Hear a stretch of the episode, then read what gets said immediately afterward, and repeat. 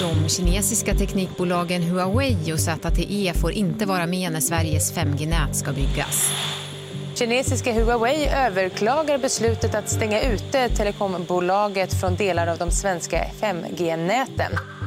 Var det rätt att stoppa kinesiska Huawei från att delta i bygget av det svenska 5G-nätet? A day after Sweden banned Huawei from its 5G networks comes the response from Beijing. På en kvart får du reda på hur svenska bolag kommer drabbas om Huawei portas permanent och hur svenska ingenjörer hjälpte den kinesiska telekomjätten att växa utanför Kina.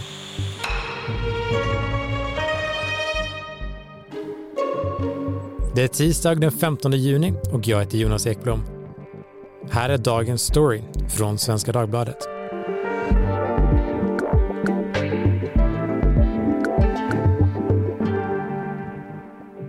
Birgitta Forsberg, du är reporter på eh, Svenska Dagbladet Näringsliv och du har skrivit flera artiklar om eh, den kinesiska telekomjätten. Kan du förklara för oss, vad är egentligen Huawei? Ja, först måste jag säga att det är ett väldigt spännande företag. Det är kanske världens mest spännande företag eftersom det står eh, mitt i världspolitiken och kampen mellan Kina och USA om världsherravälde. Är det här, mycket har ju fokuserats just på telekomjätten Huawei. Men Annars är det ju, de, de gör detsamma som Ericsson och Nokia, alltså de gör telekomnäten, alltså mobilmaster och så. 4G sim cards connecting to 20 bands across the globe. Men så gör de också mobiltelefoner. And unparalleled security right at your fingertips. Och så gör de också en massa andra grejer, så det är ett väldigt, väldigt stort företag. Huawei Power and Efficiency. Hur skiljer sig bolaget från Ericsson och Nokia, de andra två stora aktörerna på telekommarknaden? Ja, men precis som du säger så finns det ju alltså bara tre stora företag i världen som erbjuder sig att bygga sådana här mobila nät till alla länder. Det finns också andra som kan göra det, men de, de ser inte hela världen som sin marknad. Så det finns de här tre företagen då, ett kinesiskt, ett svenskt och ett finskt företag. Men hur, hur skiljer sig Huawei från Ericsson och Nokia? Och... Ja, men skillnaden är ju att Ericsson och Nokia är ju börsnoterade också medan eh, Huawei anklagas för att vara statsägt. Alltså de säger själva att de ägs av sina anställda. Men då finns det två amerikanska professorer, Christopher Balding och Donald Clark, som har tittat på det där och påstår att minst är de statskontrollerade men kanske till och med statsägda. Och det är det som då uppstår problem när man tror att det är kinesiska staten som då misstänks kunna spionera via de här mobilnäten. Och Kinas eventuella ägande i Huawei. Varför är det ett problem? Ja, USA påstår ju, det är främst USA som påstår att Huawei skulle kunna bygga in så kallade bakdörrar i de här basstationerna som driver mobiltelefoninäten. Så att man kan spionera via dem och inte bara kanske spionera utan även göra saker. För i och med att den här femte generationens mobiltelefoni som kallas 5G eh, kommer så kommer saker att kopplas upp, till exempel Volvos fabriker och eh, kanske Stockholms vattenförsörjning och Stockholms elnät. Och om allting är uppkopplat på 5G så kan man ju ställa till med väldigt mycket om man börjar hacka i det där, till exempel stänga av vattnet för alla stockholmare eller få Volvos fabrik att skruva i fel skruv i lastbilen, vilket ju kan vara katastrofalt beroende på var den skruven sitter. Huawei har ju blivit ett känt märke för eh, gemene man den senaste tiden framförallt, men Huawei har funnits rätt så länge i Sverige, inte sant? Ja, Sverige var det första utland som Huawei vände sig till för drygt 20 år sedan när de bestämde sig för att etablera sig utomlands så öppnade de ett kontor bredvid Ericsson i Kista i norra Stockholm. Ja, och du har skrivit en artikel om just det här och kan du berätta lite grann om vad du, vad du har hittat? Ja, det var ju på den tiden då Ericsson och Nokia drog ner otroligt kraftigt på personal. Ericsson drog väl ner runt 40 000 personer på ett par år och eh, det fanns ju väldigt många då arbetslösa ingenjörer och dessutom var ju Kista ett sånt eh, teknikcentrum runt mobiltelefoni. Eh, och då rekryterade de ju så småningom eh, ingenjörer från Ericsson men även från Nokia när de byggde upp sin verksamhet i Sverige. En verksamhet som också hela Huawei har haft nytta av. Så att man kan säga att svenska ingenjörer har hjälpt till att bygga upp Huawei. Men kan du berätta lite mer om vad som lockade de här ingenjörerna till Huawei från Ericsson? Alltså från början fick de ju, det var nästan ingen som ville börja jobba för dem, för Huawei i, i Kista då. Alltså de hade problem att rekrytera men så I en stor neddragning så slutade Urban Fagerstedt som var en hög Ericsson-chef och satt i ledningsgruppen på Ericsson och började istället jobba på Huawei. Och han hade väldigt gott renommé och han lyckades rekrytera väldigt många personer till Huawei i Kista. Och på den vägen fortsatte det. Under de kommande åren öppnade Huawei kontor i Göteborg, Lund och Malmö, alltid bara ett stenkast från Ericsson. I Lund flyttade Huawei in bredvid den lokal där Ericsson utvecklade sina mobiltelefoner. Och snart gick Huawei förbi Ericsson och blev världens största tillverkare av mobil infrastruktur. De följde ganska slaviskt Ericsson i Sverige. Och sen var det ju de här svenska ingenjörerna som hjälpte till att bygga upp Huawei. För att det de gjorde här hade ju Huawei nytta av även i andra länder och även hemma i Kina. Så det var ju ett utbyte så att säga. Och sen gick ju det här unga teknikföretaget Huawei om Ericsson och blev världens största mobiltelefonileverantör, alltså på mobilnätssidan. Kan du berätta lite mer om vilka det är som jobbar på Huawei i Sverige? Är det svenskar eller är det kineser? Ja, det är, det är 600 personer säger de och det är ungefär sådär 450 svenskar och 100-150 kineser som, som roterar. De kommer från Kina och så åker de på lite scheman och så. Och för olika projekt så det är lite flytande men det är väl runt 450 svenskar då.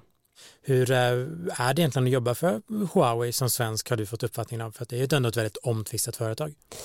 Ja, det var ju framförallt, som jag sa i början hade de svårt att rekrytera för att många var ju väldigt lojala med sin tidigare arbetsgivare Ericsson.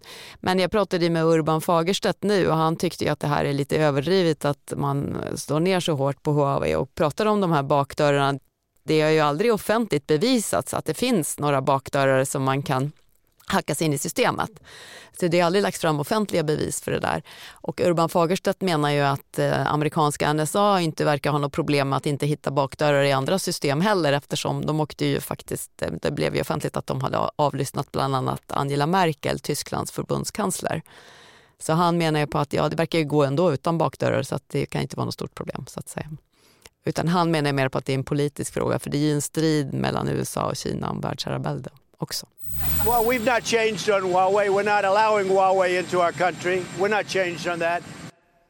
Och eh, de här säkerhetspolitiska betänkligheterna har ju även gjort att Huawei har blivit stoppat i Sverige. Alltså från början var det USA som gick och bad sina allierade länder som Australien och Storbritannien och, och Nya Zeeland och så att de inte skulle använda Huawei för att det var en säkerhetsrisk för väst och för demokratin. Och de följer ju efter USA då och då börjar fler och fler länder titta på det här även i Europa. Men i Sverige var det så att eh, PTS, Post och telestyrelsen, som delar ut de här licenserna för 5G, då frågade nämligen Tele2 som driver ett av de tre näten i Sverige, då frågade de i våras om, om det skulle bli så att en leverantör inte fick vara med i den här auktionen.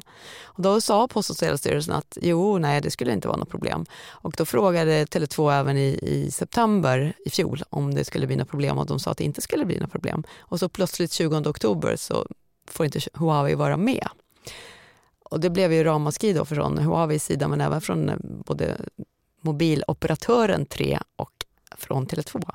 Varför då? Då, eftersom Tele2 då fick besked om att Huawei skulle få vara kvar så började de bygga ett 5G-nät på ett antal svenska orter med Huaweis utrustning. Så när de vann auktionen sen hade de tänkt att de bara trycker de på knappen så finns det 5G-nät i ett antal svenska orter. Men med det plötsliga beskedet från PTS så gick inte det längre. Så det nätet måste ju byggas om. Men det här beslutet från PTS, var det så oväntat egentligen? Det borde ju inte ha varit så oväntat egentligen därför att det var ju så att Sveriges riksdag kom med en ny lag där de bestämde att det var Säpo och Försvarsmakten som skulle ha sista ordet om Sveriges mobilnät. Och det gjorde ju att det bakband ju helt enkelt Post och telestyrelsen. Så att de var ju tvungna att lyssna på Säpo och eh, Försvarsmakten och det står även i deras beslut från 20 oktober att de hänvisar till Säpo och Försvarsmakten. Så det är helt enkelt Sveriges politiker som har bestämt att det är de som har sista ordet. Och då tog de sista ordet och bestämde att vi ska inte ha Huawei i Sverige. Sen så har ju Huawei dragit PTS inför domstol och de protesterar väldigt högljutt. Kinesiska Huawei överklagar beslutet att stänga ute telekombolaget från delar av de svenska 5G-näten, rapporterar Ekot. Då kan man ju bara undra lite grann, varför protesterar Huawei så högt? För att Sverige är ett pytteland i jämförelse. Ja, dels har det ju att göra med att de finns ju här och har forskning och utveckling här, men dels har det också att göra med att ju fler länder som, som kastar ut dem, desto större är väl risken för att ännu fler gör det. För det är ju allt fler europeiska länder som stänger dörren för Huawei. Och varje, varje land nu blir ju viktigt då. Och då har ju de ju sagt att det är dåligt av konkurrensskäl eftersom Ericsson är ett svenskt företag och så slänger vi ut konkurrenten. Att det, ja, det är dålig stil ungefär. Mm. Det är ju en annan aspekt här som är intressant, just den här frågan att Kina sätter hårt mot hårt och eh, hotar med att slänga ut Ericsson som är ett svenskt bolag från Kina och när vi stänger ut Huawei från Sverige. Liksom. Vilka effekter kan, kan det här få för svenska bolag i Kina? Ja, de har inte sagt direkt att de ska slänga ut dem, men de har ju ändå hotat att det, det, kan få effekter för Ericsson och andra svenska företag i Kina. Och det här kan ju bli väldigt allvarligt för svenska företag eftersom ett antal Wallenberg-företag till exempel är väldigt stora i Kina. Några av dem hade ju en omsättning på 140 miljarder kronor 2020 i Kina. Så att det kan bli väldigt kännbart. Det är speciellt för västerländska bolag att göra affärer i Kina.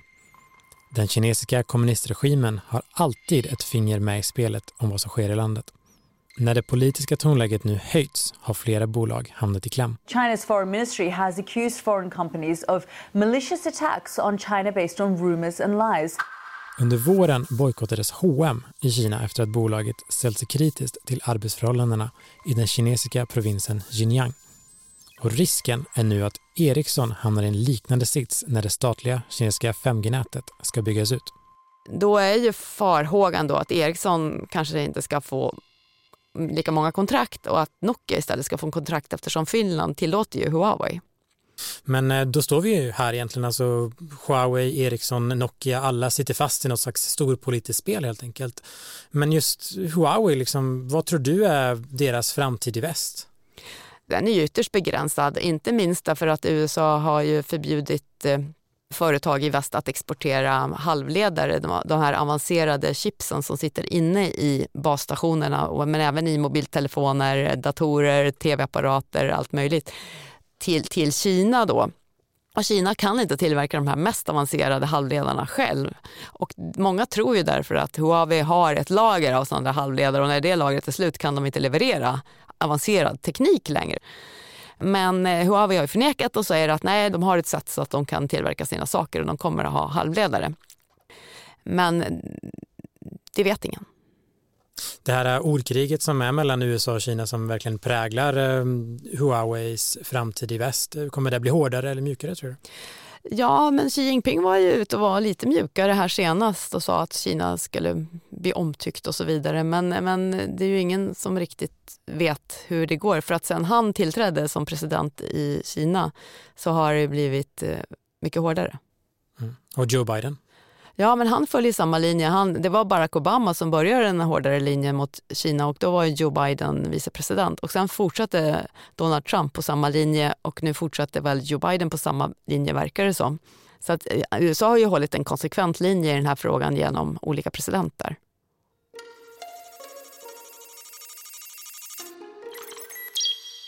I Sverige så kommer ju förvaltningsdomstolen med ett besked om Huaweis vara eller icke vara i svenska 5G-nät. När kommer beskedet och vad kommer det bli tror du?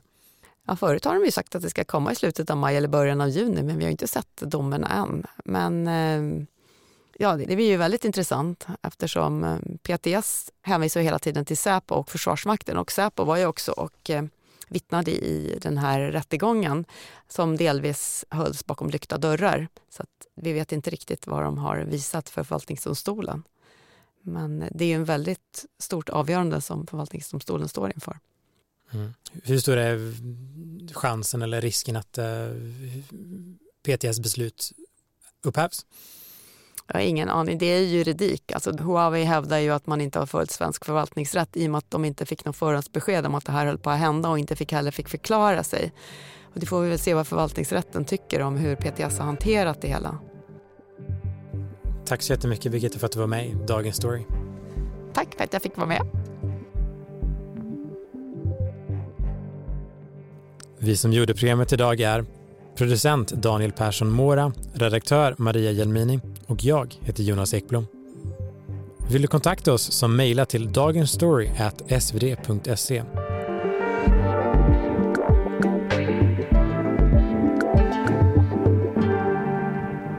Ljudklippen kom från TV4, Sveriges Radio, CNBC, Reuters och BBC.